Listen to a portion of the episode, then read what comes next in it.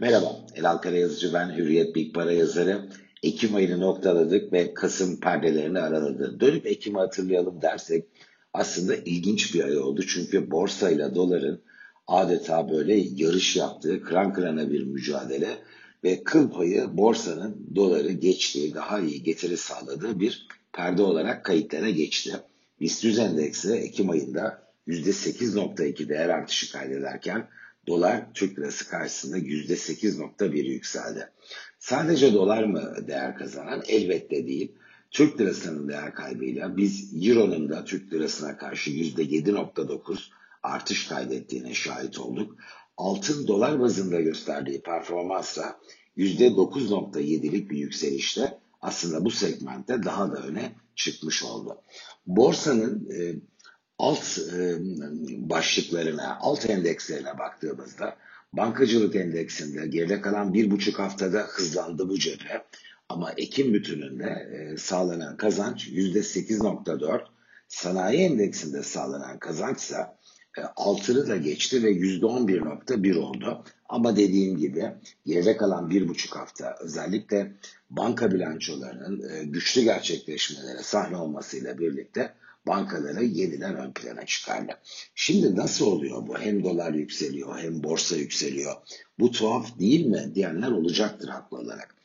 Ee, aslında alıştığımız şey nedir? Döviz kurlarında hele de böyle bir ay gibi kısa bir sürede yüzde sekizlik bir yükseliş normal şartlar altında durduk yere gerçekleşmez. Ne olur?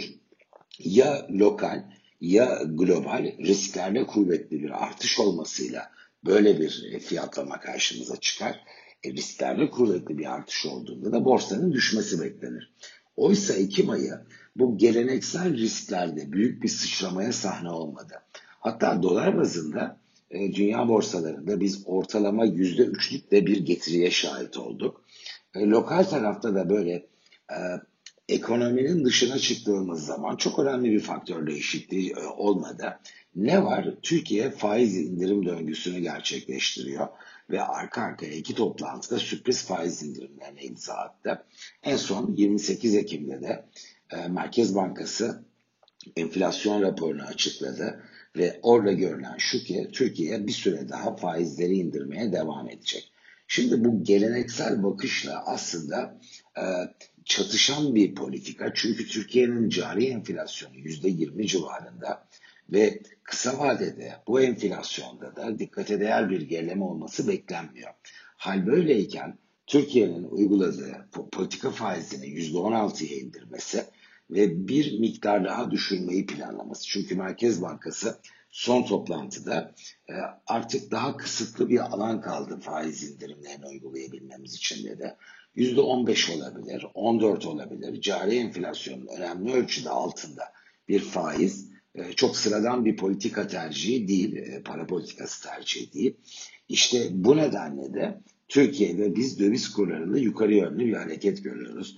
Zaten her türlü varlık piyasasında e, fiyatlamalarda yükseliş ya da düşüşe neden olabilecek iki faktörden biridir. Ya alıcılar daha kalabalık olur ya da alıcılar daha yüksek fiyata razı olur. Satıcılar daha yüksek fiyatlara ancak rıza gösterir ve denge o fiyatların yukarıya gittiği bir resim verir bizim karşımıza. Şimdi Kasım ayı ile birlikte reel sektör e, Türkiye'de aylık bazda cari fazla verdiği imkanını yitirmiş olacak ve muhtemelen bu kanat reel taraf e, döviz cephesinde satıcı olmayacak. Hatta bir miktar alıcı olabilir. Bireysel tasarruf sahiplerine baktığımız zaman kur bir taraftan çok yüksek e, ve şu, şu gerçeği ben her zaman hatırlatıyorum. Türkiye'nin geriye dönüp böyle 4 yıl, 5 yıl filmi geriye çekersek e, döviz kurlarında yaşadığı yükseliş Türkiye'nin benzeri ülkelerde dövizin yaşadığı yükselişin çok üzerinde. Bizde de kur onlara paralel bir değerde olsaydı, Nijerya'da, Fas'ta, Brezilya'da, Meksika'da arttığı kadar dolar artsaydı ne olurdu derseniz bunun karşılığı e, kabaca 6 seviyesine denk geliyor. Oysa biz şu anda 9.60'lardayız.